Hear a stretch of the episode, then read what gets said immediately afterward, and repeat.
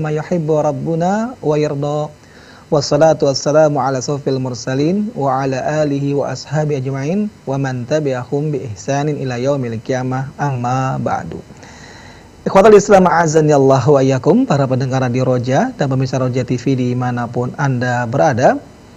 Kembali pada sore hari ini kami akan hadirkan di ruang dengar Anda dan juga layar TVC Anda satu kajian ilmiah secara langsung dari pembahasan kitab Bulughul Maram yang insya Allah pada kesempatan sore hari ini akan membahas tentang jumlah rokaat dan waktu sholat duha. Dan kajian ini akan disampaikan dan dipaparkan secara mendalam bersama guru kita Al-Ustaz Zainal Abidin bin Samsudin LCMM Hafizullahu Ta'ala. Alhamdulillah kami telah terhubung dengan beliau dan sebelum kita simak kajian yang penuh dengan faidah ini kami informasikan kepada Anda setelah kajian disampaikan oleh beliau kami buka sesi interaktif soal jawab. Bagi Anda yang bertanya secara langsung Anda bisa menghubungi kami di 021 823 6543. Dan ikhwatal Islam azani Allah wa yakum untuk selanjutnya kita simak bersama kajian ini dan kepada Ustadz kami persilakan Falyatafadal Maskura.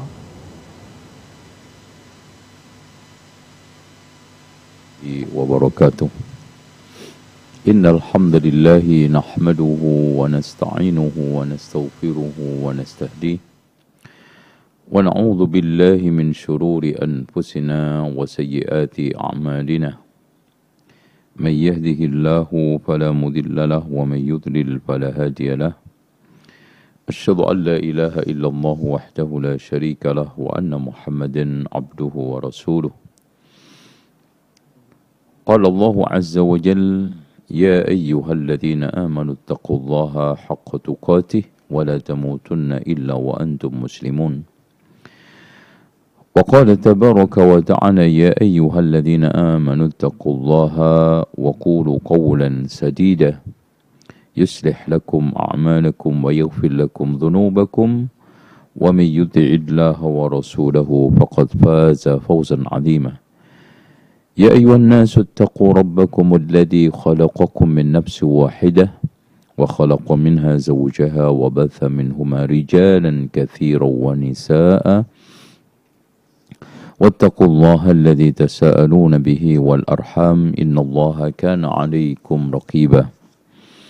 فإن خير الحديث كتاب الله وخير الهدي هدي محمد صلى الله عليه وسلم. وشر الأمور محدثاتها وكل محدثة بدعة وكل بدعة ضلالة وكل ضلالة في النار إخواني وأخواتي في الله وبالخصوص pemirsa Rojak TV dan juga Radio Rojak yang dirahmati oleh Allah. Pada kesempatan ini kita akan membahas mengupas tentang jumlah dan juga waktu yang paling utama kita melakukan salat duha. Langsung saja kita angkat hadis Rasulullah sallallahu alaihi wasallam yang diusung oleh Imam Al-Hafidh Ibnu Hajar Al-Asqalani di dalam Bulughul Maramnya dari Zaid Ibnu Arqam Ibnu Al-Qais Beliau adalah seorang sahabat mulia Rasulullah sallallahu alaihi wasallam. Pernah suatu ketika Rasulullah sallallahu alaihi wasallam bermujalasah ya yeah, munasahah untuk memberikan satu wejangan-wejangan agama. Rasulullah sallallahu alaihi wasallam menanyakan wahai Ibnu Arqam Bagaimana pendapatmu, sikapmu kalau seandainya Allah butakan matamu? Subhanallah. Suatu ujian yang berat. Dan pasti ada sesuatu ketika Rasulullah Shallallahu Alaihi Wasallam bicara. Ada maksud ketika Rasulullah bersabda, di balik prediksi ada sesuatu yang tidak akan meleset yang diinginkan oleh Rasulullah. Jawaban Zaid ibnu Arqam Asbir wa ahtasib ya Rasulullah.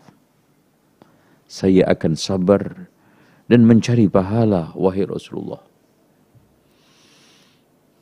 Apa kata Rasulullah sallallahu alaihi wasallam? Kalau itu terjadi pada diri kamu dan kamu melakukan itu, dakhaltal jannah, kamu akan masuk surga. Dan subhanallah, apa yang diprediksi Rasulullah SAW tidak meleset. Akhirnya Zaid ibnu Arqam buta setelah meninggalnya Rasulullah.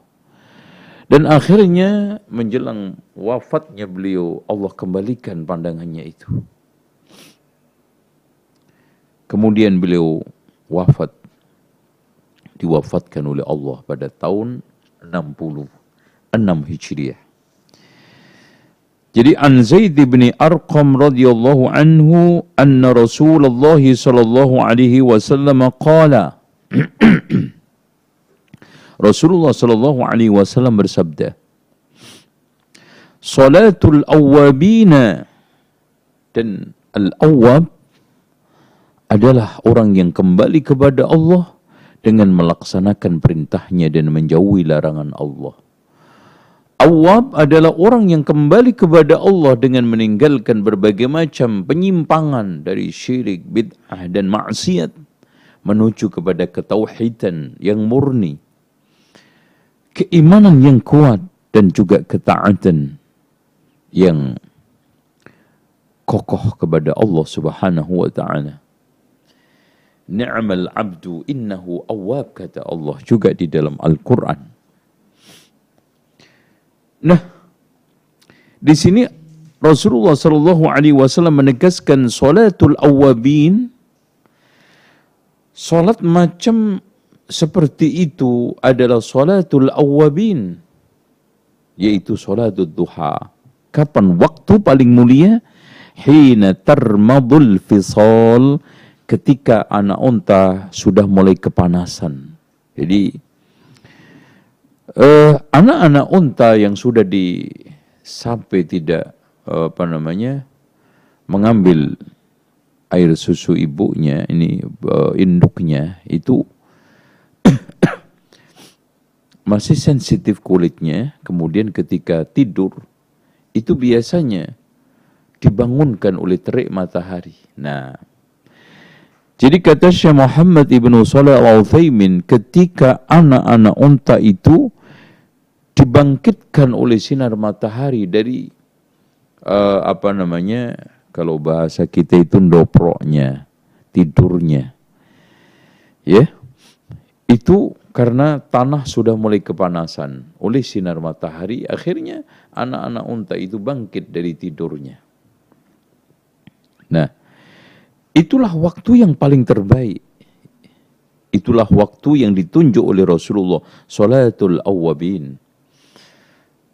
Kenapa Rasulullah Shallallahu Alaihi Wasallam menyandarkan pada fenomena alam?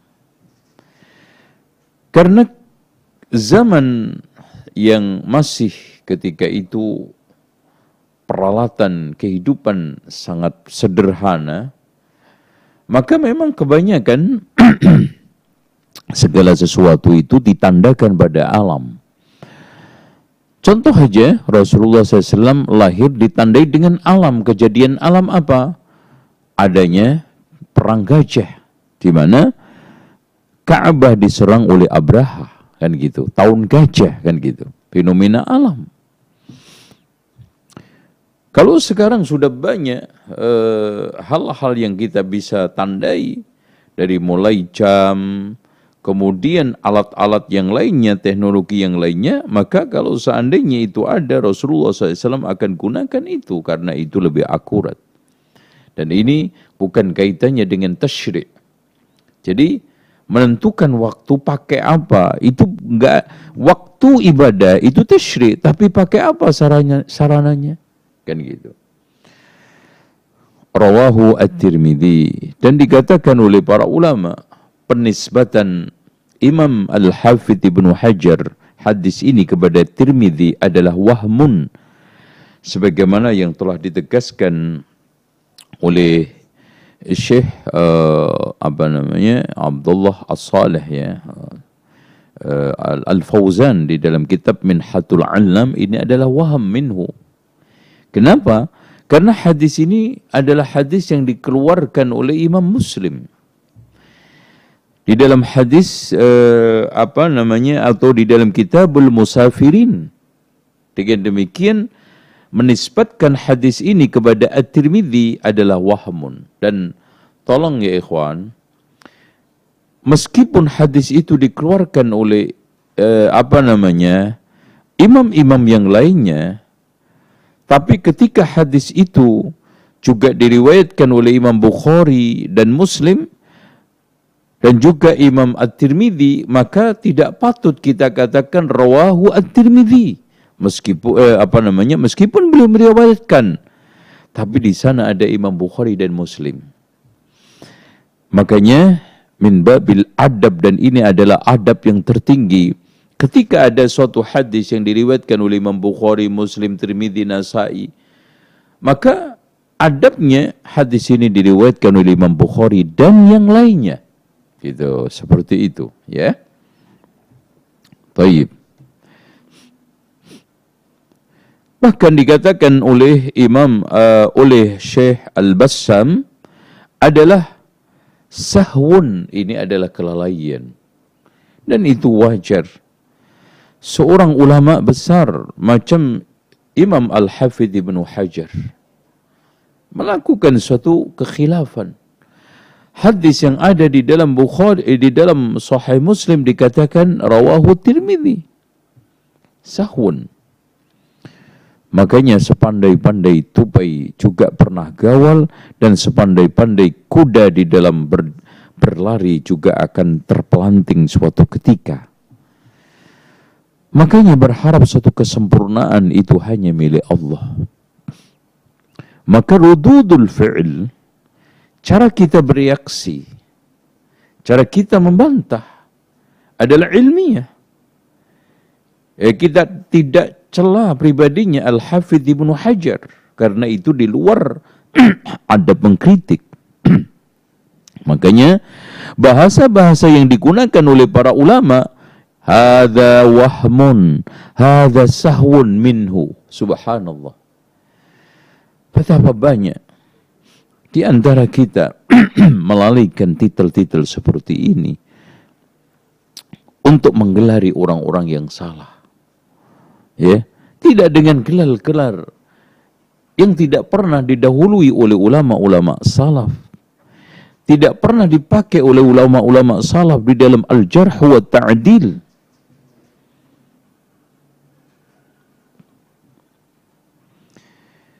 Kemudian kita lanjut.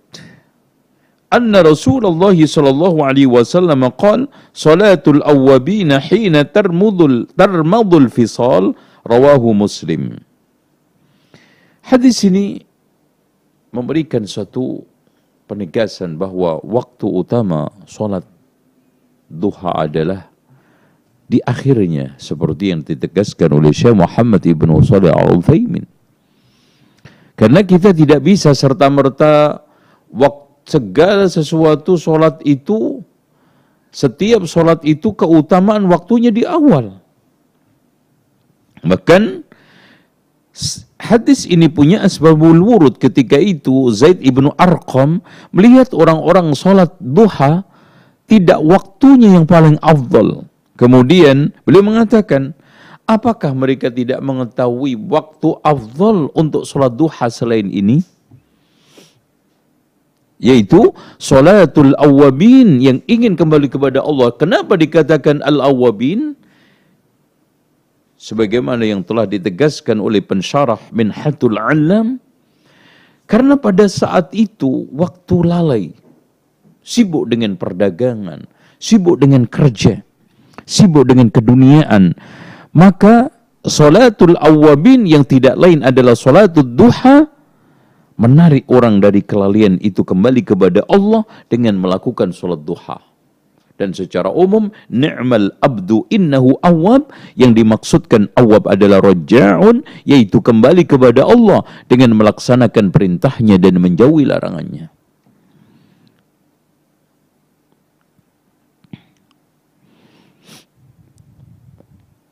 dengan kita meninggalkan berbagai macam pelanggaran menuju kepada ketaatan. Yukhrijuhum minadh-dhulumati ila nur itu adalah al-awwab. Dan memang betul ya ikhwan ibadah di antara sekian ibadah yang utama adalah di masa lalai. Makanya kenapa uh, ibadah pada waktu apa namanya uh, ini sya'ban itu diutamakan dan diperbanyak. Salatnya eh puasanya antum lihat hampir separuh. Rasulullah SAW katakan idzan tasafa sa'bana fala kalau sudah masuk pertengahan Sya'ban jangan puasa bagi orang-orang yang ditakutkan dikhawatirkan nanti saat Ramadan itu lemah, saat Ramadan kurang bergairah, saat Ramadan badannya sudah loyo. Idzan tasafa Sya'ban tapi Masya Allah Kenapa di antara sekian bulan yang dianjurkan puasa sunnah itu paling panjang adalah Sya'ban? Karena ini adalah syahrul ghaflah antara Rajab di mana banyak orang yang mengejar keutamaan dari bulan tersebut di mana itu adalah termasuk bulan-bulan utama adalah Rajab maka terlalaikan Sya'ban karena orang perhatiannya nanti ke Ramadan maka Allah palingkan kita kepada keutamaan lagi kepada ibadah yaitu apa? Puasa pada waktu bulan Sya'ban. Begitu juga sekarang duha. Dari mulai kita pagi keluar dari rumah konsentrasinya kita adalah mencari uang. Kemudian dil-dil kita berbagai macam proyek dan berbagai macam aktivitas bisnis kadang-kadang kita kotori dengan dosa-dosa. Kelalaian saja itu sudah dosa sendiri. Apalagi nanti dibarengi dengan korupsi, dibarengi dengan suap, dibarengi dengan berbagai macam apa namanya kemaksiatan, maka salat duha mengembalikan kita kepada rohani kita segar menghadap kembali kepada Allah. Makanya disebut salatul awabina hina termudul atau termadul fisal dan dikatakan fisol dari kali jamak dari fasilun yang maknanya adalah mafsul. Kenapa dikatakan fasil, fisol? Karena anak unta itu sudah mulai pisah dengan induknya, mulai hidup mandiri sudah tidak tergantung dengan induknya. Itu makanya dikatakan fisolun dari fasilun, eh makna mafsul yang terpisah dari induknya. Cukup. Saya kira itu dengan demikian, waktu utama sholat duha adalah pada saat anak unta sudah mulai kepanasan sehingga bangun dari uh, dari uh, apa namanya buruknya buruk itu uh, uh, merunduknya atau bersimpuhnya atau dalam bahasa Jawanya itu noproknya ya buruk gitu ya. Sekarang kita masuk ke dalam jumlah rakaat. Ya. An Anas bin Malik radhiyallahu anhu qala qala Rasulullah sallallahu alaihi wasallam Man sallat duha barang siapa yang salat duha sintai asyrata raka'atan 12 rakaat banallahu lahu qasran fil jannah rawahu at-Tirmidzi wastaghrabahu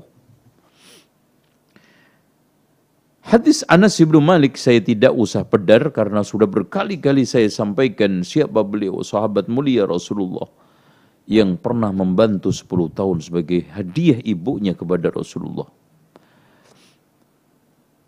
Murid yang paling berhasil dididik oleh oleh Rasulullah.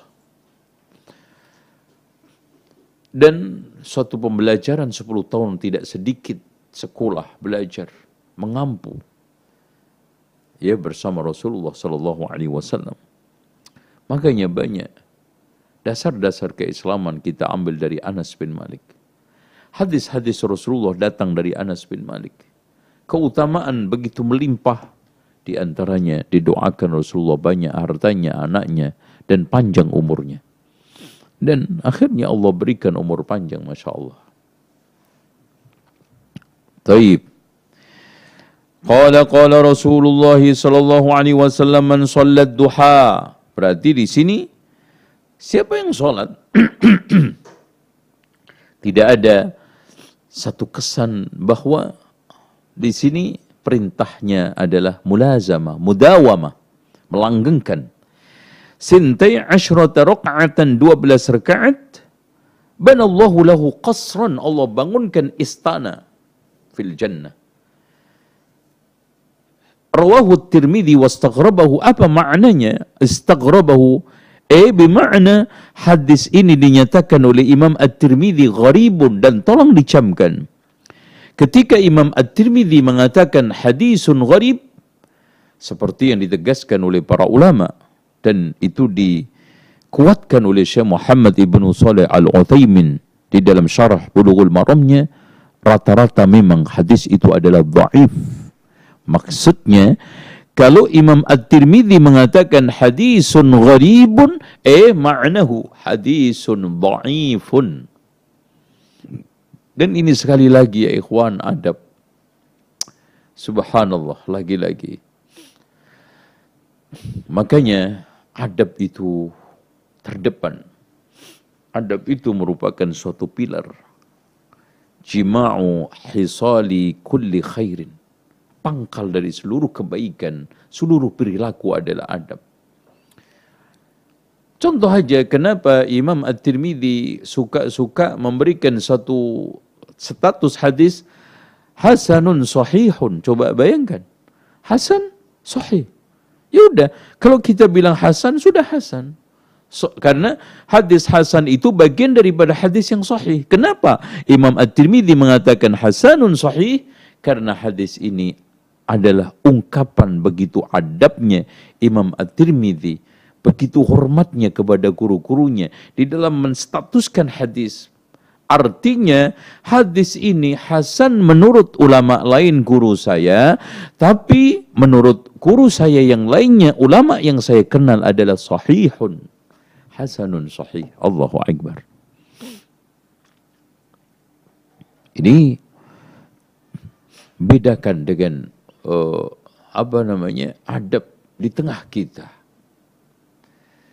akhlak di tengah kita, dan bahkan itu dimiliki oleh pembawa agama. Sama sekali jauh dari panggang seperti yang dilakukan oleh Imam At-Tirmidzi. Dengan demikian, kenapa hadis ini adalah dhaif? Karena di dalam hadisnya, eh, di dalam sanatnya ada seorang yang majhul. Musa bin Fulan bin Anas. Siapa? Musa ini. Karena Musa bin Fulan bin Anas. Majhul.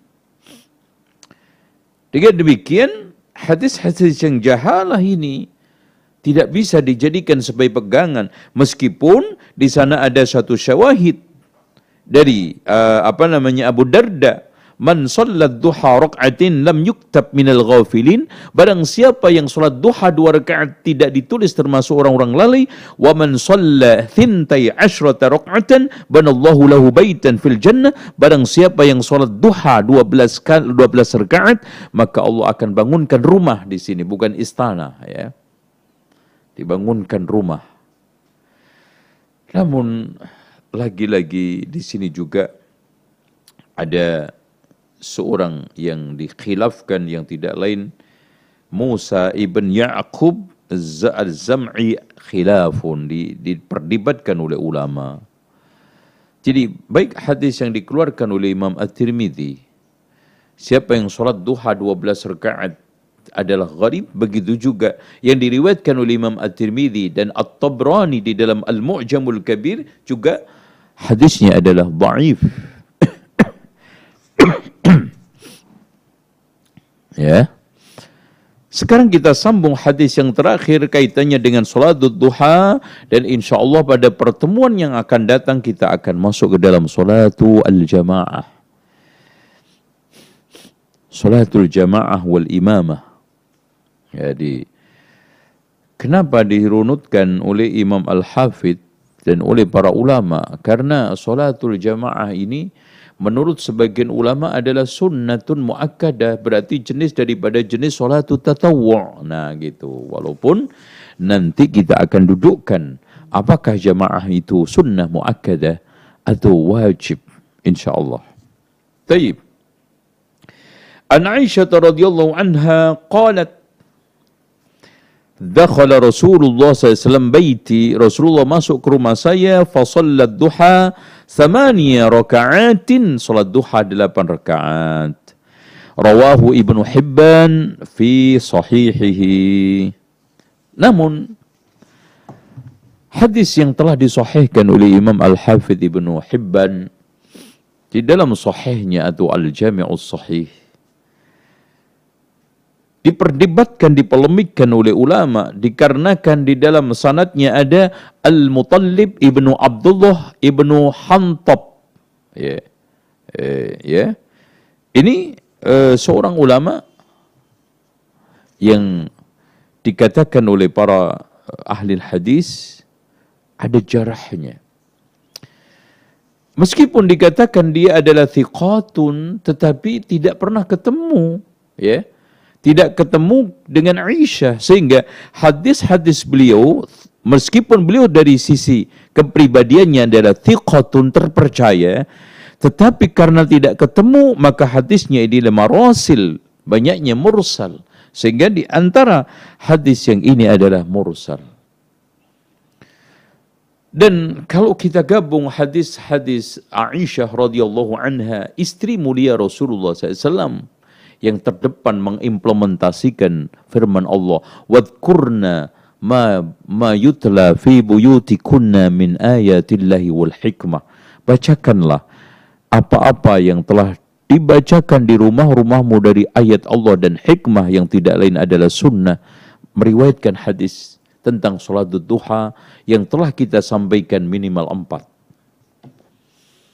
Yang pertama, Hadis yang pertama kita sampaikan karena Rasulullah SAW yusalli duha arba'a raka'atin wa yazidu ma Allah. Ya. Jadi Rasulullah Shallallahu Alaihi Wasallam sholat empat rakaat dari sholat duha dan menambah seperti yang telah dia maui sesuai dengan kehendak Allah. Masya Allah. Ya. Yeah. Ini hadis dikeluarkan oleh Imam Muslim dan pastinya bisa dijadikan sebagai pegangan. Yang kedua, dakhala Rasulullah SAW baiti, Rasulullah masuk ke rumah saya, wa sallat duha thamaniya raka'atin, salat duha delapan rakaat yang tadi baru kita sampaikan. Berarti Aisyah meriwayatkan sudah dua kali Salat duhanya Rasulullah empat rakaat, kemudian delapan rakaat. Tetapi Rasulullah SAW juga diriwayatkan oleh Aisyah, maka Rasulullah SAW yusalli duha. Rasulullah enggak pernah salat duha illa ayyaji'a min maghibihi kecuali datang dari safarnya. Yang pada waktu pertemuan-pertemuan lalu kita sampaikan. Dan yang terakhir Aisyah menafikan uh, apa namanya duhanya Rasulullah. Ma raaitu Rasulullah sallallahu alaihi wasallam yusalli subhata ad-duha melakukan salat duha wa inni la usabbihuha saya sungguh melakukannya. Bagaimana menjamak hadis-hadis ini? Di antaranya Imam Ibnu Jarir At-Tabari menjama bahwa hadis-hadis ini tidak bertentangan berangkat dari hadis Muslim tadi bahwa Aisyah mengatakan Rasulullah Shallallahu Alaihi Wasallam solat duha empat rakaat dan menambah sesuai dengan kehendak kehendak Allah. Jadi bisa delapan bisa dua belas. Dan riwayat-riwayat yang ada paling banyak ada ada dua belas maka sholat duha jumlah yang paling terbanyak adalah 12. Dan Rasulullah SAW juga menganjurkan sahabat-sahabatnya bahkan dalam teks wasiat kepada Abu Hurairah dua rakaat maka jumlah paling sedikitnya adalah dua rakaat malah sebal, malah Rasulullah menekankan bahwa dua rakaat duha minimal itu bisa menutup sodakoh-sodakoh kita sebagai bentuk bayaran dari nikmat Allah yang kita diberikan kesehatan tubuh yang di mana ruas tulang punggung kita kurang lebih ada 360 yang semuanya kenikmatan itu butuh kita balas syukur kita kepada Allah dengan apa? Minimal ditutup dengan dua rakaat salat duha. Kata Rasulullah SAW, wa yajzi'u an dhalika raka'atani minat duha. Dan itu bisa ditutup dengan dua rakaat dari salat duha. Saya kira tidak bertentangan. Meskipun, wallahu alam bisawab. Ada satu pendapat yang perlu kita pertimbangkan yaitu pendapatnya Syekhul Islam Ibn Taimiyah. Di mana sholat duha itu sebaiknya tidak dirutinkan bagi orang yang sudah mengistiqomahkan, melanggengkan, merutinkan sholat qiyamul lail. Kenapa kata beliau alasannya? Karena kalau dia melakukan sholat duha dan merasa tertutup berbagai macam syukur terhadap kenikmatan tubuh, uh, menutupin zikir-zikir kita subhanallah alhamdulillah wa la ilaha illallah wa akbar maka dia akan teledor malas untuk melakukan itu. Ya apalagi nanti ditutup lagi dengan kehebatan dia salat duha. Makanya ini ada wijhatun nazar ada suatu pendapat yang layak untuk kita pertimbangkan dengan baik di mana bagi orang yang sudah rutin ajak langgeng melakukan qiyamul lail seyukyanya kata Imam Ibnu Taimiyah kadang-kadang tidak melakukan sholat duha tidak merutinkan sholat duha. Wallahu a'lam bisawab saya kira itu. Dan sekarang kita buka tanya jawab biiznillah wallahu a'lam bisawab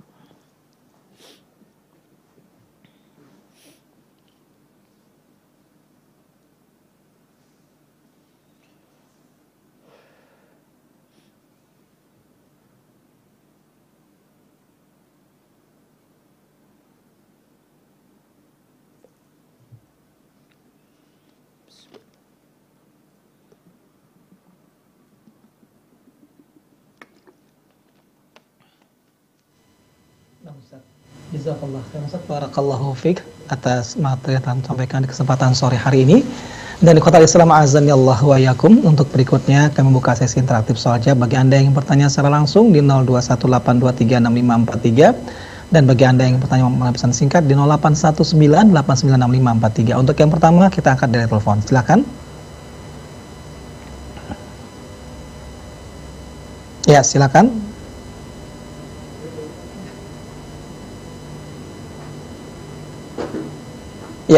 Silakan.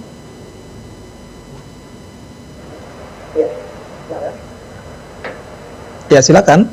Ya, Assalamualaikum. Waalaikumsalam warahmatullahi wabarakatuh. Dengan siapa Ibu dan berada di mana? Dari Ibu Rus di Kalimantan Timur. Ya, silakan Ibu Rus pertanyaannya. Boleh di luar tema? Ya, silakan Ibu. Boleh di luar tema. Dulu ini tentang pernikahan saya ya, Ustaz. Mm -hmm Dulu saya pernah selingkuh dengan suami orang. Uh, baik saya Ibu. hamil. Baik. Di luar nikah. Ya, langsung ke pertanyaan saja Bu. Uh, mohon maaf, mungkin tidak perlu menyebutkan. Ya. Uh, langsung. Ibu mau saya bertanya. menikah. Setelah satu tahun saya berpisah dengan suami saya yang pertama dan saya berpisah dengan suami saya yang pertama setelah, satu tahun. Baik terputus. Dan belum bisa kita tangkap pertanyaannya. Kita angkat kita ambil kita angkat kembali pertanyaan berikutnya. Yang lain silakan.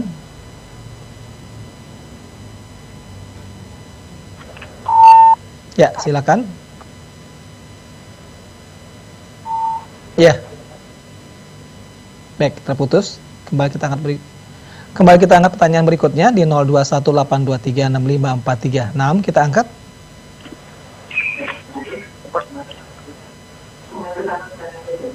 Ya. Ya, silakan. Assalamualaikum warahmatullahi wabarakatuh. Waalaikumsalam warahmatullahi wabarakatuh. Dengan siapa Bapak dan berada di mana? Dengan Ahmad Iskollah di Palembang. Ya, silakan Pak Ahmad. Ya, silakan Pak Ahmad. Langsung pertanyaannya Pak Ahmad.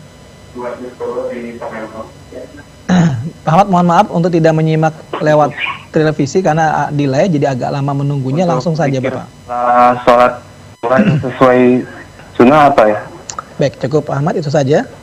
Iya, Ya, terima kasih. baik, terima kasih. Assalamualaikum warahmatullahi wabarakatuh. Waalaikumsalam warahmatullahi wabarakatuh dan kepada Ustadz kami persilakan untuk menjawab silakan Ustadz.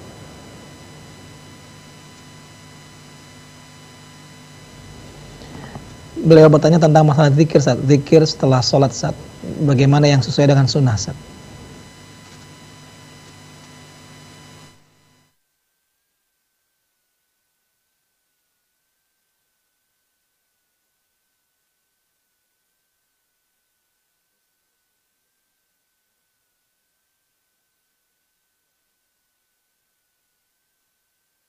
Astaghfirullah. Astaghfirullah. اللهم أنت السلام ومنك السلام تباركت يا ذا الجلال والإكرام. اللهم لا مانع لما أعطيت ولا معطي لما منعت ولا ينفع ذا الجد منك الجد. لا إله إلا الله وحده لا شريك له له الملك والحمد على كل شيء قدير. لا إله إلا الله وحده ya la ilaha illallah la haula wala quwata illa billah la ilaha illallah wala na'budu illa iyyah mukhlisina lahuddin walau kariyal kafirun. Terus kemudian kita baca eh, apa namanya? tasbih subhanallah 33 kali. Walhamdulillah 33 kali, Allahu Akbar 33 kali. Kemudian ditambah satu kali supaya lengkap 100. La ilaha illallah wahdahu la syarikalah.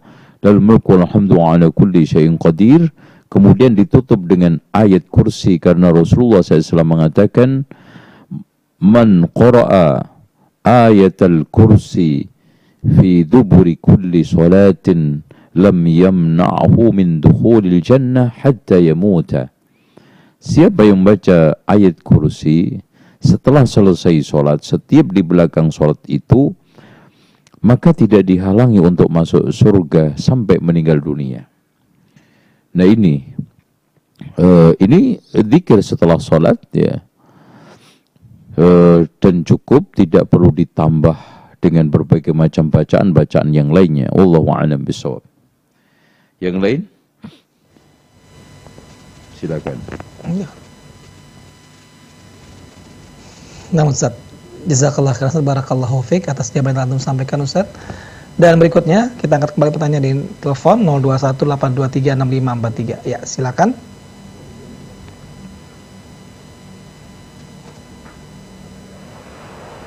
Ya, silakan. Halo, Assalamualaikum warahmatullahi wabarakatuh. Waalaikumsalam warahmatullahi wabarakatuh. Dengan siapa Bapak dan berada di mana? Uh,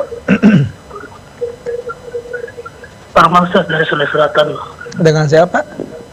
Parman, Parman. Pak Rahman. Silakan Pak Rahman. Pertanyaannya apa, Pak? Saya mau, uh, ya, halo. Ya, silakan Pak. Saya minta solusi. Ya, ini uh, karena ada masalah ini uh, dengan keluarga uh, Ustaz. Gimana pendapat Ustaz? Sedangkan istri saya selalu minta cerai Ustaz. Baik. Cukup Pak, itu saja. Ya, cukup Pak. Ya, terima kasih. Dan kepada Ustadz kami persilakan untuk menjawab. Silakan Ustadz. Ini memang saya ingin komentari ini dan mudah-mudahan tidak ada yang bertanya lagi bahwa sekarang ini permasalahan rumah tangga itu banyak terjadi gejolak. Bukan karena kemiskinan, bukan karena kemelaratan, tapi bencana yang paling utama adalah qillatu fahmihim bil Islam qillatu ilmihim bil kitab wa sunnah. Sedikitnya pemahaman dia kepada Islam sedikitnya lembeknya rendahnya pemahaman ilmu mereka terhadap Alkitab wa sunnah Kalau soal masalah ekonomi, sahabat Ridwanullah alaihim, kondisi hidupnya lebih memprihatinkan. Ya.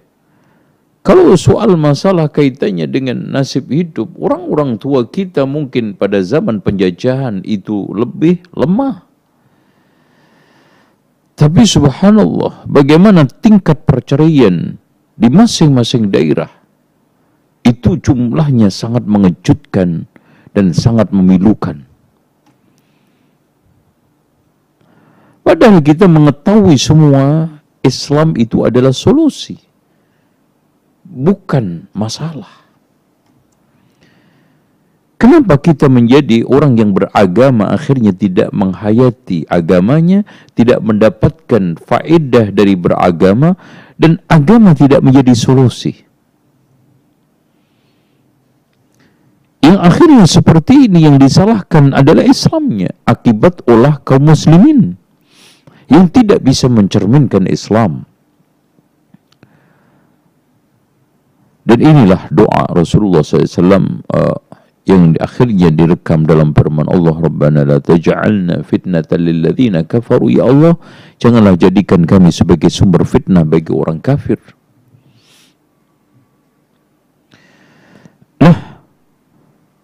Bagaimana kita itu untuk supaya rumah tangga itu tidak terjadi perceraian? Bagaimana kita itu bisa menghilangkan, meminimalisir disharmonika? Nah, di sini akan saya sampaikan. Secara dasar, wa'ashiruhunna bil ma'ruf. Walaupun kedua belah pihak itu wajib melakukan muasyarah pergaulan baik.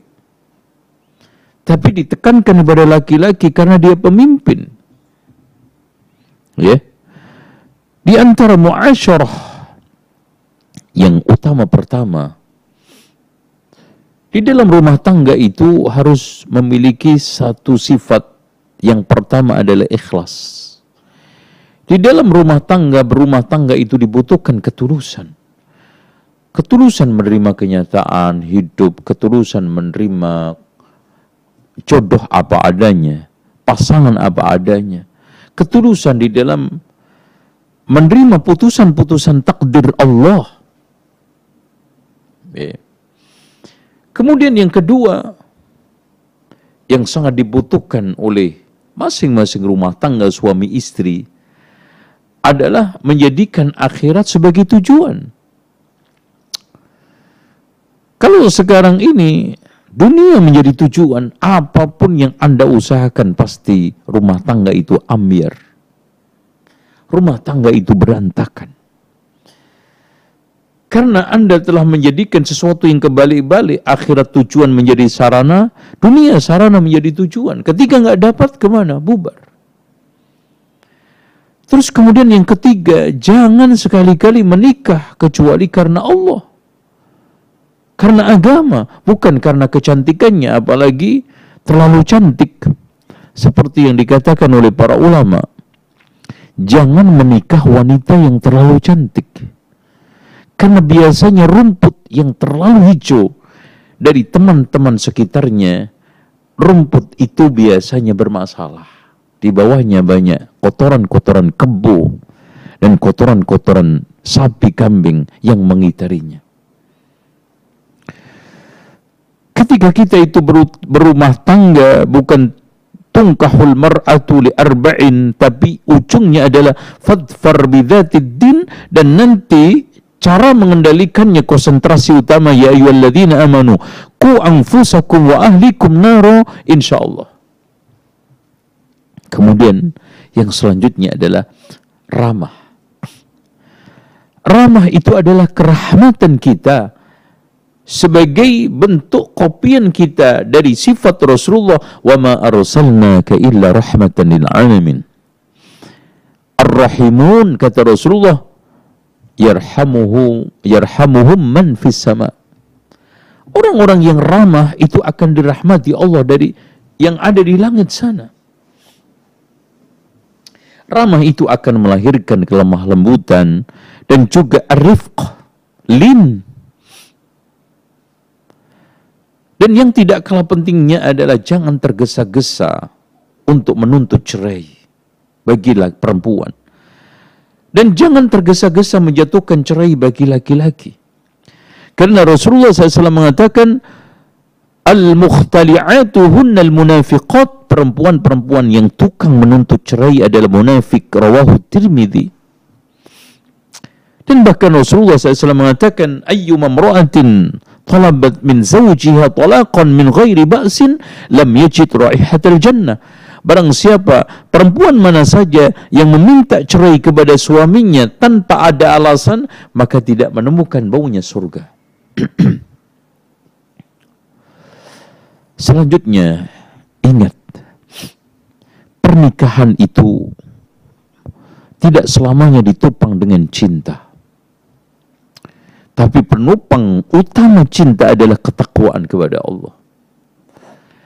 Makanya ketika Al-Hasanul Basri ditanya, Wahai imam, aku punya anak perempuan dengan siapa saya kawinkan? kawinkan dengan laki-laki yang bertakwa. Bila dia mencintai akan memuliakan dan dia bila membenci tidak akan menzaliminya. Ketakwaan itulah yang nanti menghasung laki-laki dan perempuan otomatis dua-duanya untuk menunaikan hak dan kewajibannya secara api dan itu sebetulnya pilar utama rumah tangga. Jadi biang awal kekacauan rumah tangga itu bukan ketiadaan cinta, tetapi ketiadaan adab masing-masing kedua belah pihak di dalam rangka menyempurnakan hak dan kewajiban.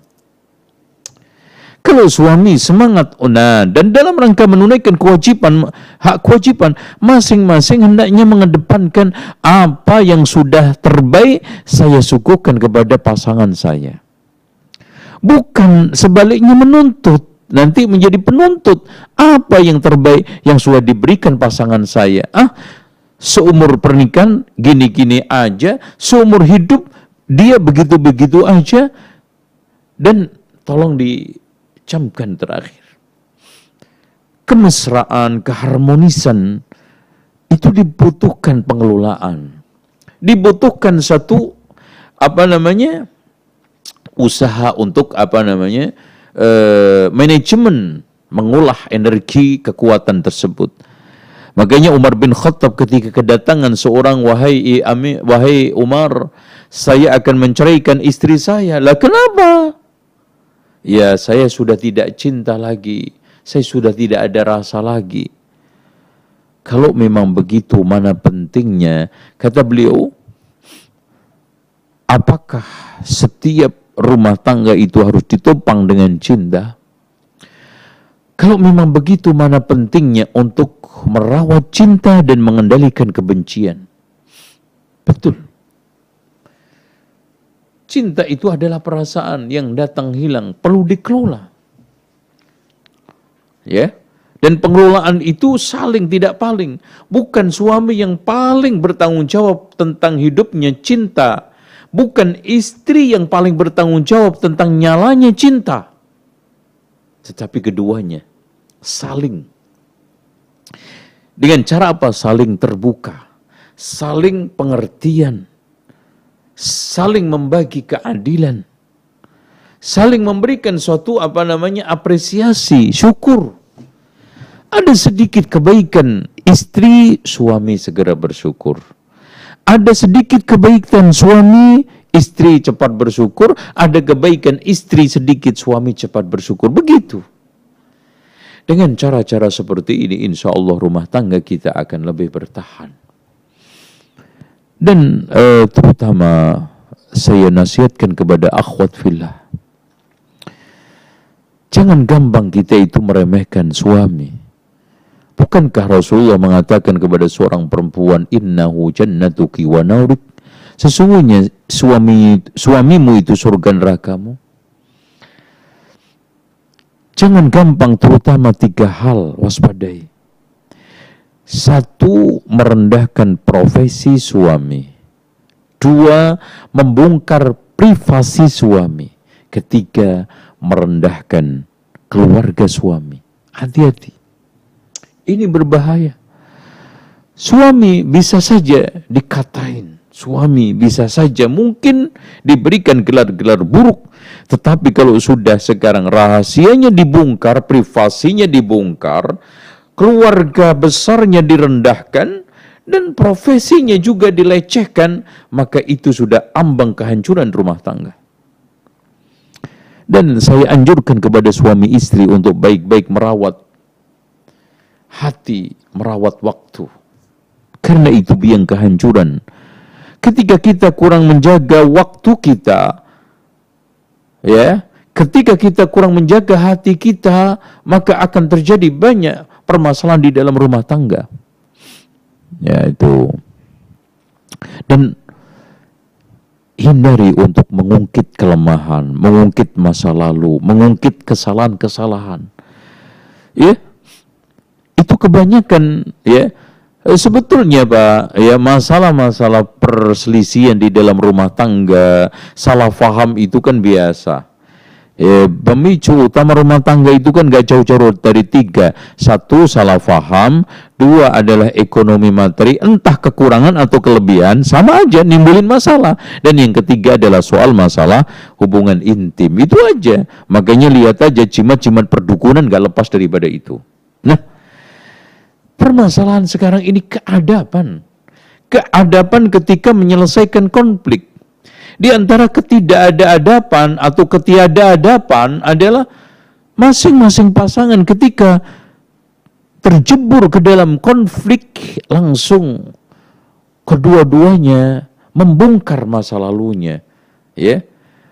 Menyetel ulang kesalahan-kesalahan masing-masing pasangan masa lalu. Disetel ulang diputar ulang terus dulu kan kamu begini subhanallah nggak ada selesainya kan Kan sudah masa lalu.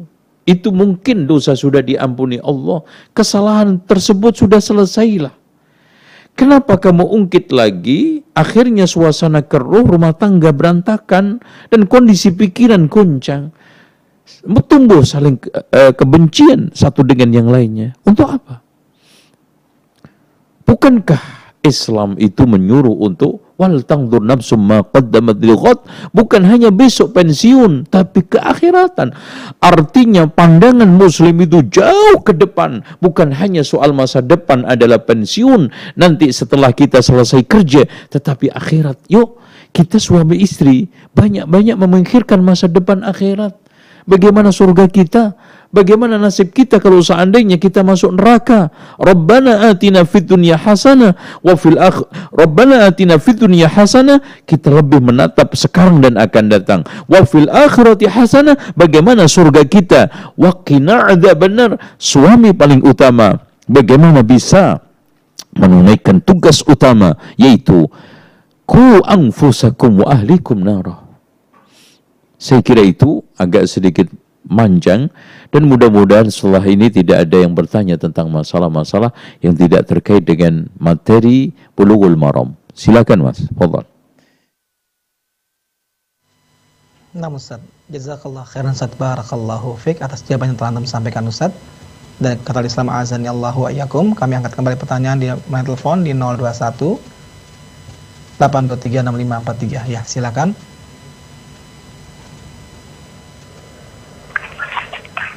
Ya, silakan.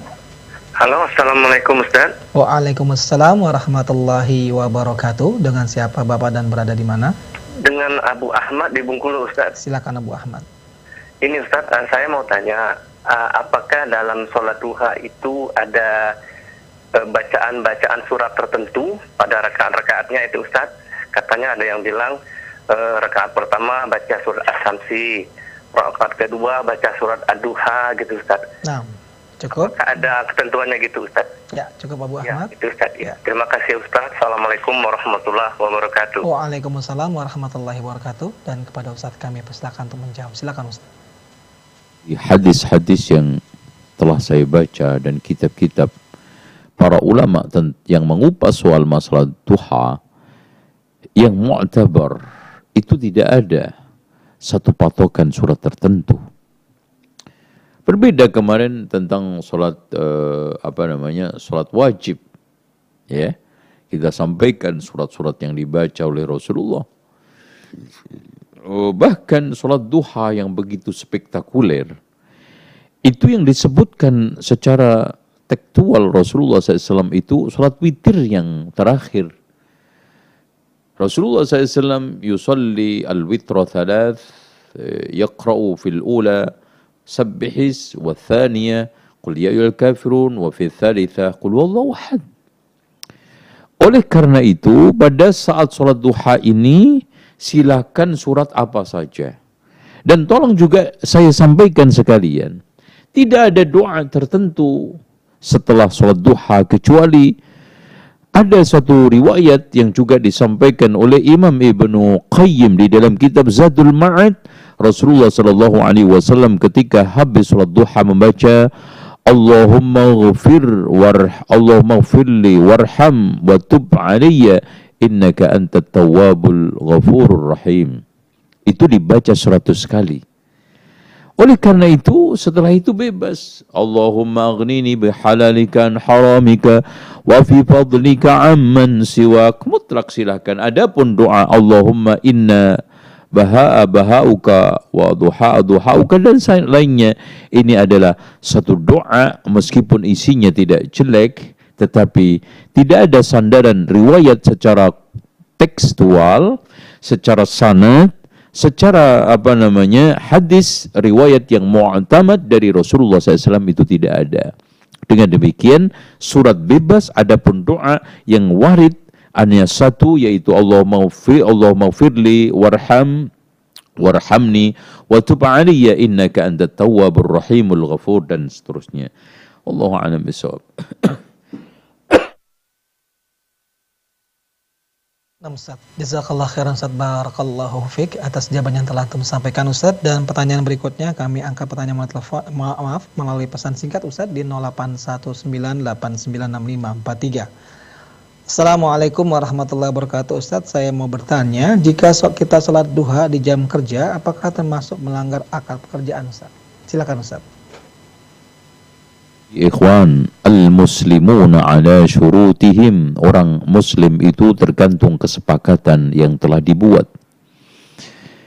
Illa syartan ahalla haraman wa harrama halalan. Kecuali syarat yang menghalalkan yang haram, mengharamkan yang halal.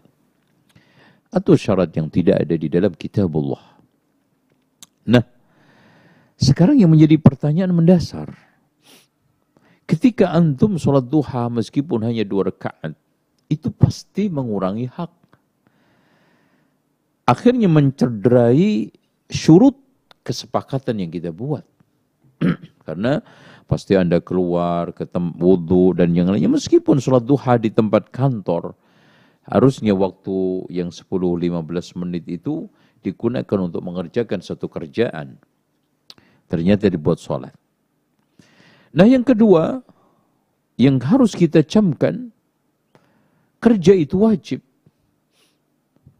Sementara sholat duha itu adalah sunnah. Yang wajib harus didahulukan daripada yang sunnah. Dan yang ketiga, yang berikutnya, ini bisa menjadi peluang setan untuk menggoda antum melakukan kegiatan-kegiatan lebih di luar jam tersebut yang demi faedah tertentu. Nah, ini akhirnya terjadi permasalahan. Sementara yang menjadi pertanyaan mendasar, apakah di dalam MOU yang telah antum buat dengan perusahaan itu, ada enggak perjanjian itu? Sehingga kita kembalikan al-muslimuna ala syurutihim. Kalau antum eh, ada kesepakatan itu silahkan. Kalau perusahaan membolehkan dan itu tertuang atau secara lesan silahkan. Tetapi kalau tidak ada, maka antum dahulukan kerjaan antum. Karena ketika antum datang ke kantor untuk kerja dengan suatu upah gaji tertentu, Anda sebetulnya sudah sedang menjual waktu Anda ke perusahaan tersebut. Ketika antum menjual sesuatu, ternyata antum jual ke orang lain, antum pakai untuk apa namanya usaha lain, kerjaan lain, otomatis tidak elok. kan gitu ya. Allahu a'lam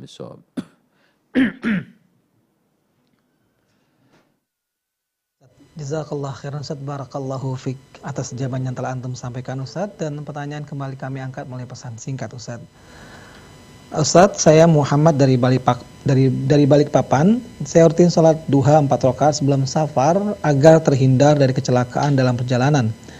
Apakah yang saya niatkan ini adalah perkara yang dibenarkan, Ustadz? Silakan, Ustadz.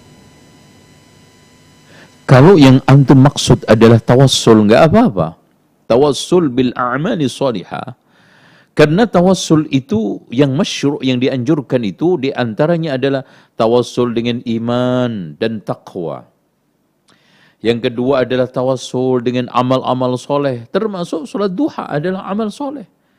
Dan yang ketiga adalah tawassul dengan doanya orang soleh. Kita minta didoakan agar supaya selamat perjalanan saya agar saya diterima di dalam ujian eh, di dalam ujian eh, masuk ke perguruan tinggi atau yang lainnya. Dengan demikian, kalau sholat duha itu dilakukan tetap karena Allah, kemudian tawassul kepada Allah, ya Allah, dengan sholat duha saya yang tulus ikhlas ini, selamatkanlah saya sepanjang perjalanan saya sampai pada tujuan dengan selamat. Wallahu a'lam. Seperti itu dibolehkan. Nah Ustaz, jazakallah khairan Ustaz, barakallahu fiqh atas jawaban yang telah antum sampaikan Ustaz dan kembali kami angkat pertanyaan melalui pesan singkat kembali Ustaz dari pendengar kita di Bekasi dengan dengan saudara Dodi saat beliau bertanya Ustaz yang lebih utama saat qobliyah subuh di rumah tapi kehilangan takbiratul ikhram bersama imam ataukah saat qobliyah subuh di masjid Ustaz silakan Ustaz Eh, di dalam masalah ini adalah fleksibel karena kita menghadapi keutamaan. Ya. Tolong sholat di rumah, sholat sunnah ya. Afdalu sholatil mar'i fi baitihi illa maktubah. Itu hadisnya. Jadi sholat yang paling utama seseorang adalah di rumah illa maktubah kecuali yang wajib.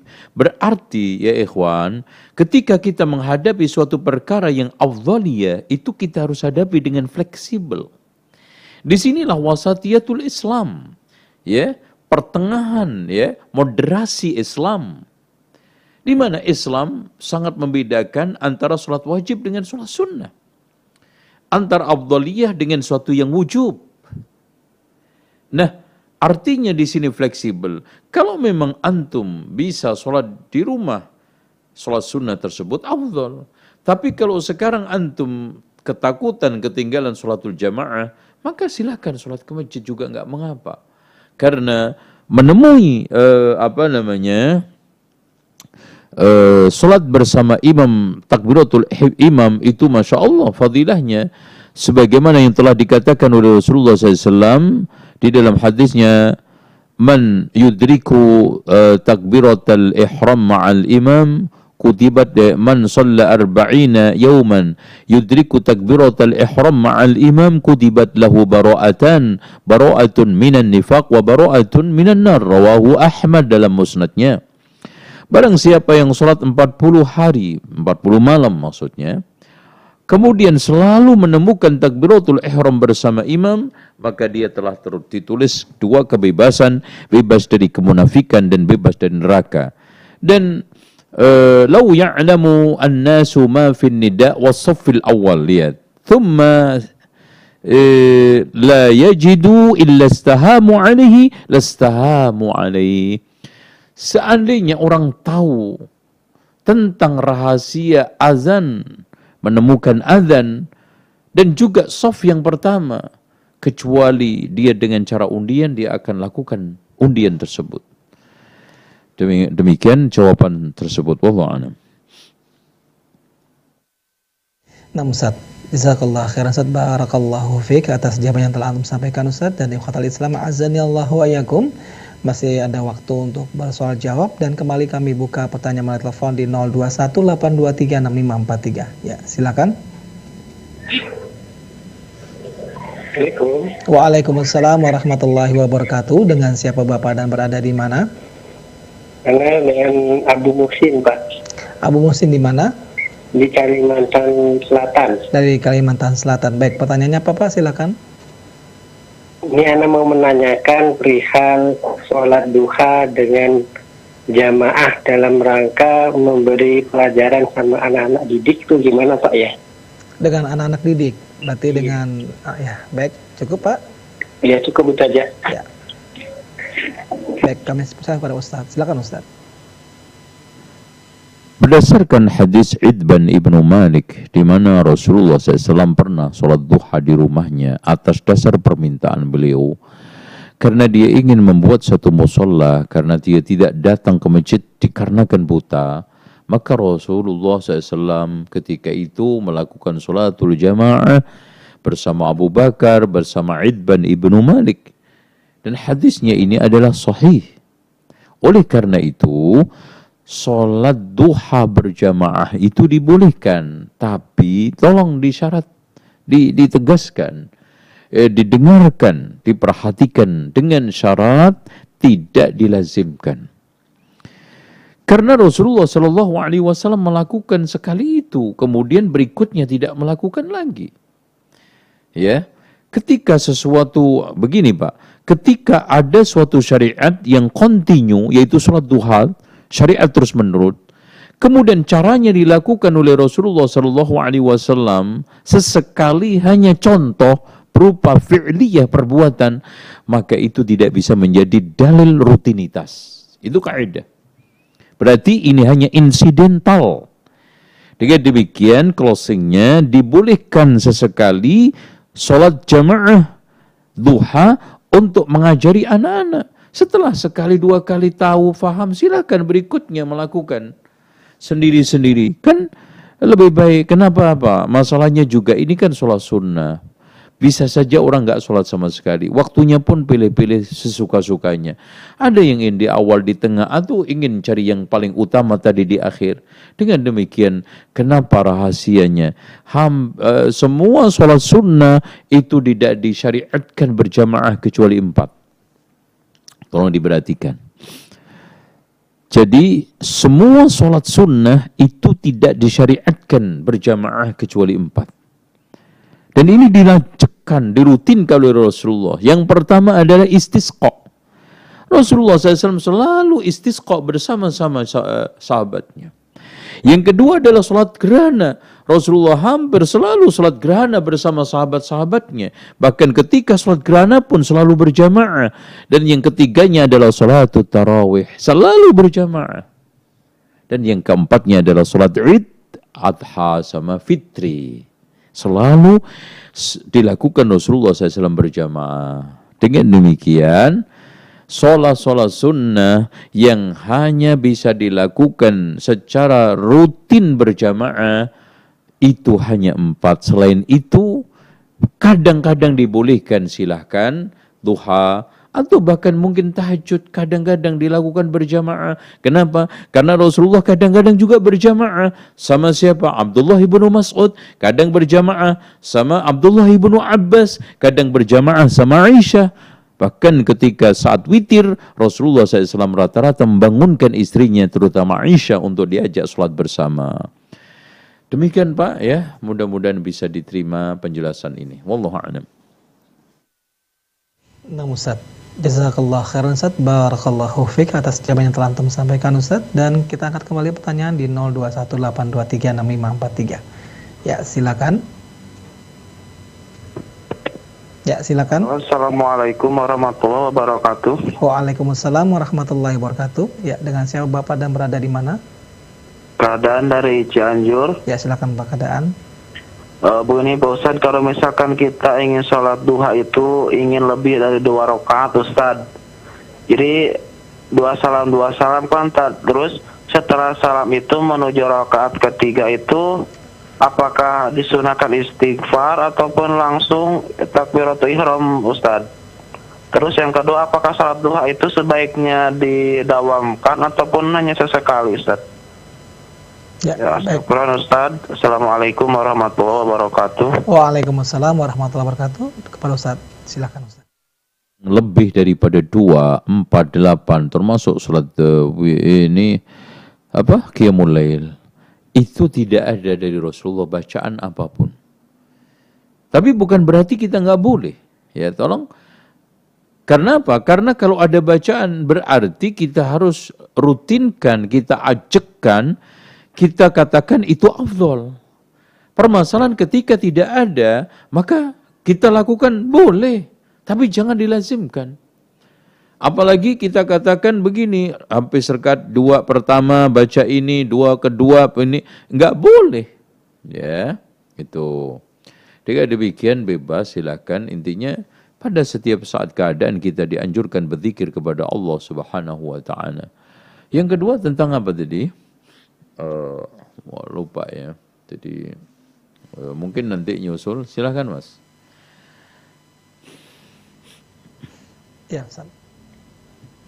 Jazakallah khairan barakallahu fiik Ustaz atas jawaban yang telah sampaikan Ustaz dan untuk berikutnya kembali kita angkat pertanyaan yang selanjutnya di 021 823 6543 ya silakan. Ya, silakan. Assalamualaikum. Waalaikumsalam warahmatullahi wabarakatuh. Dengan siapa?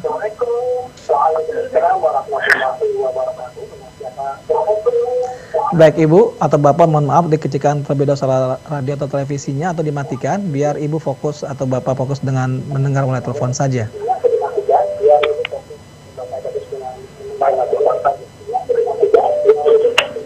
Halo. Ya, dengan siapa Bapak? Dengan Bapak Edi dari Cianjur, Pak. Ya, silakan Pak Edi. Pertanyaannya apa Pak Edi? Ya, pertanyaannya begini, Pak. Uh, sholat duha itu apa boleh setiap hari gitu? Ya, cukup. Dilaksanakan setiap hari ya cukup. Terima kasih. Assalamualaikum warahmatullahi wabarakatuh. Waalaikumsalam warahmatullahi wabarakatuh. Pak. Wallahu a'lam bisawab. Saya lebih mempertimbangkan apa yang telah dikulirkan dan juga dinyatakan oleh Ibnu Taimiyah. Siapa yang sudah rajin dan rutin ajak solat qiyamul lail, maka duhanya sesekali dibolehkan. Tapi barang siapa yang tidak ajak solat rutin, witir, dan qiyamul lail, maka hendaknya dirutinkan. Dengan demikian, kalau kita ditanya, boleh tidak solat duha itu dirutinkan, diajakkan, disilahkan, dibolehkan. Ya, Wallahu a'lam. Baik Ustaz, jazakallah khairan barakallahu fik dan pertanyaan tadi juga sesuai dengan pertanyaan kedua dari Abu Muhsin yang tadi bertanya Ustaz. Kota Islam azani Allah wa. Kembali kami angkat pertanyaan berikutnya di 0218236543 bagi Anda yang ingin bertanya secara langsung. Ya, silakan. Assalamualaikum. Waalaikumsalam warahmatullahi wabarakatuh. Dengan siapa Bapak dan berada di mana? Di Pak Samsul di Lampung. Pak Samsul ya, di Lampung ya. Di Pak Samsul di Lampung. Ya silakan Pak. Ya. Ada ustadz di kampung saya yang menyatakan bahwa hmm. uh, hadis-hadis doib itu bisa dipakai untuk meningkatkan uh, wiro dalam beragama, dalam beramal katanya. Tapi tidak bisa dijadikan hukum. Apa pernyataan ini benar Pak Ustaz? Ya, baik terima kasih Pak. Terima kasih. Assalamualaikum warahmatullahi wabarakatuh. Waalaikumsalam warahmatullahi wabarakatuh. Silakan Ustaz. Ini Pak, itu memang statement benar. Dan itu adalah ditegaskan oleh para ulama. Di antaranya adalah Al-Hafidh Ibn Hajar. Tapi hadis dhaif yang mana? Dan ini juga dikatakan oleh jenis hadis, hadis dhaif yang dikatakan oleh Imam Ahmad hadisun dha'ifun indi khairun min ra'yi rijalin hadis dhaif itu lebih utama buat saya ketimbang ra'yu pendapat seseorang yaitu hadis dhaif yang kedhaifannya itu tidak disebabkan oleh cacatnya agama yaitu dengan ada beberapa perawinya terdodoh mubtadi' ahli bid'ah. Atau karena dia berdusta. Hadis-hadis dhaif dikarenakan hadis itu adalah mungkar matruk apalagi maudhu berarti yang dimaksudkan di sini adalah hadisun dhaif adalah hadis-hadis yang kalau kita sertakan dengan tawabi'nya dan juga kita sertakan dengan syawahidnya, hadis itu bisa terangkat menjadi hasan. Itu.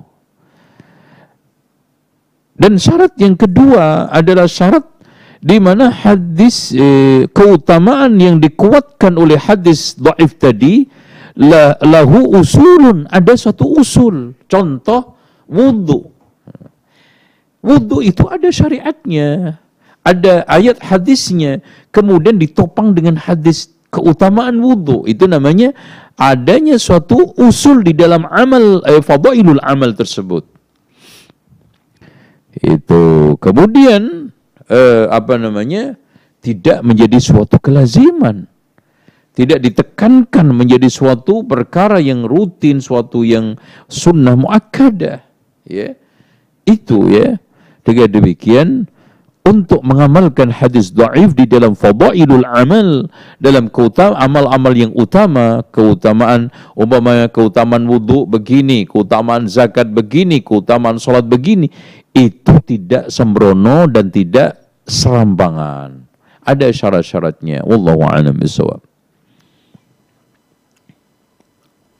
Nah, Ustaz.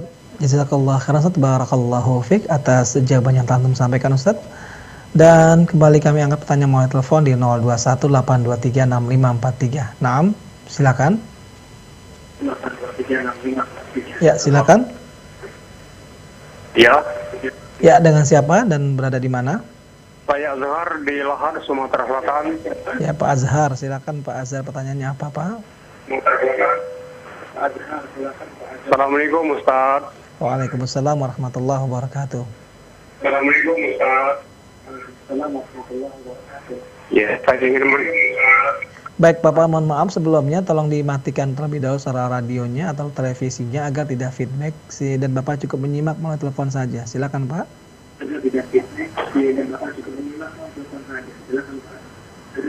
Ya. Assalamualaikum Pak Ustaz. Waalaikumsalam Ya. Saya ingin menanyakan doa kunut di waktu subuh gimana itu? Apa itu? Baik, cukup Pak. Terima kasih banyak. Itu saja. Bagaimana itu hukumnya Pak? Ya. Itu aja. Ya, baik. Terima kasih Pak. Baik, kepada Ustaz kamu silakan. Silakan Ustaz. Per, eh? Iya. Saya tidak menangkap dengan jelas uh, Pak ini uh, tolong mungkin diulangi. Ya, Ustaz. Beliau bertanya tentang bagaimanakah hukum kunut subuh, Ustaz. Apa? Oh, kunut subuh. Oke. Okay. Ya, ini uh, pertanyaan ini sudah pertanyaan uh, cukup uh, sering disampaikan, tapi demi ilmu bahwa kunut subuh telah dinyatakan oleh para ulama hadis-hadisnya itu adalah dhaif dan dinyatakan oleh salah seorang tabi'in kepada ya tentang menjelaskan bapaknya bahwa tanya kepada bapaknya ya abati sallaita khalfan nabi wa Abu Bakrin wa Umar wa Utsman wa Ali sanawatin fi Baghdad. Hal yaqnutun? Wahai bapakku, engkau salat di belakang Rasulullah, Abu Bakar, Umar, Utsman dan beberapa tahun di Baghdad bersama Ali, apakah mereka kunut? Maka bapaknya menjawab, Ayya bunayya muhdas dalam riwayat Tirmidzi. Itu dia ada-ada. Ayya bunayya bid'atun. Itu adalah bid'ah di dalam riwayat Nasai. Meskipun begitu ini tetap ranahnya adalah ranah masalah khilafiyah. Dianjurkan atau tidak dianjurkan memang tidak ada dasarnya. Cuman di sini bagaimana kita itu maslahat membawa diri kita di tengah masyarakat. Aslinya kalau kita menjadi imam tidak kunut. Kalau kita menjadi makmum, kalau memang kita dalam kondisi wajar dan tidak ada masalah, kita tidak usah kunut. Kalau di situ ada kemaslahatan dilakukan oleh beberapa ulama yang meyakini kunut tidak kunut, yang meyakini tidak kunut beliau kunut.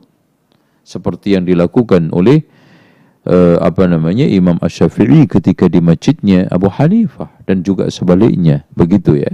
Wallahu a'lam. Namun Ustaz. Jazakallah khairan Ustaz. Barakallahu fiqh atas jawaban yang telah sampaikan Ustaz. Dan pertanyaan tadi merupakan pertanyaan terakhir Ustaz di kesempatan sore hari ini dan sebelum kita akhiri Ustaz kami persilakan untuk menyampaikan ikhtitam Ustaz silakan Ustaz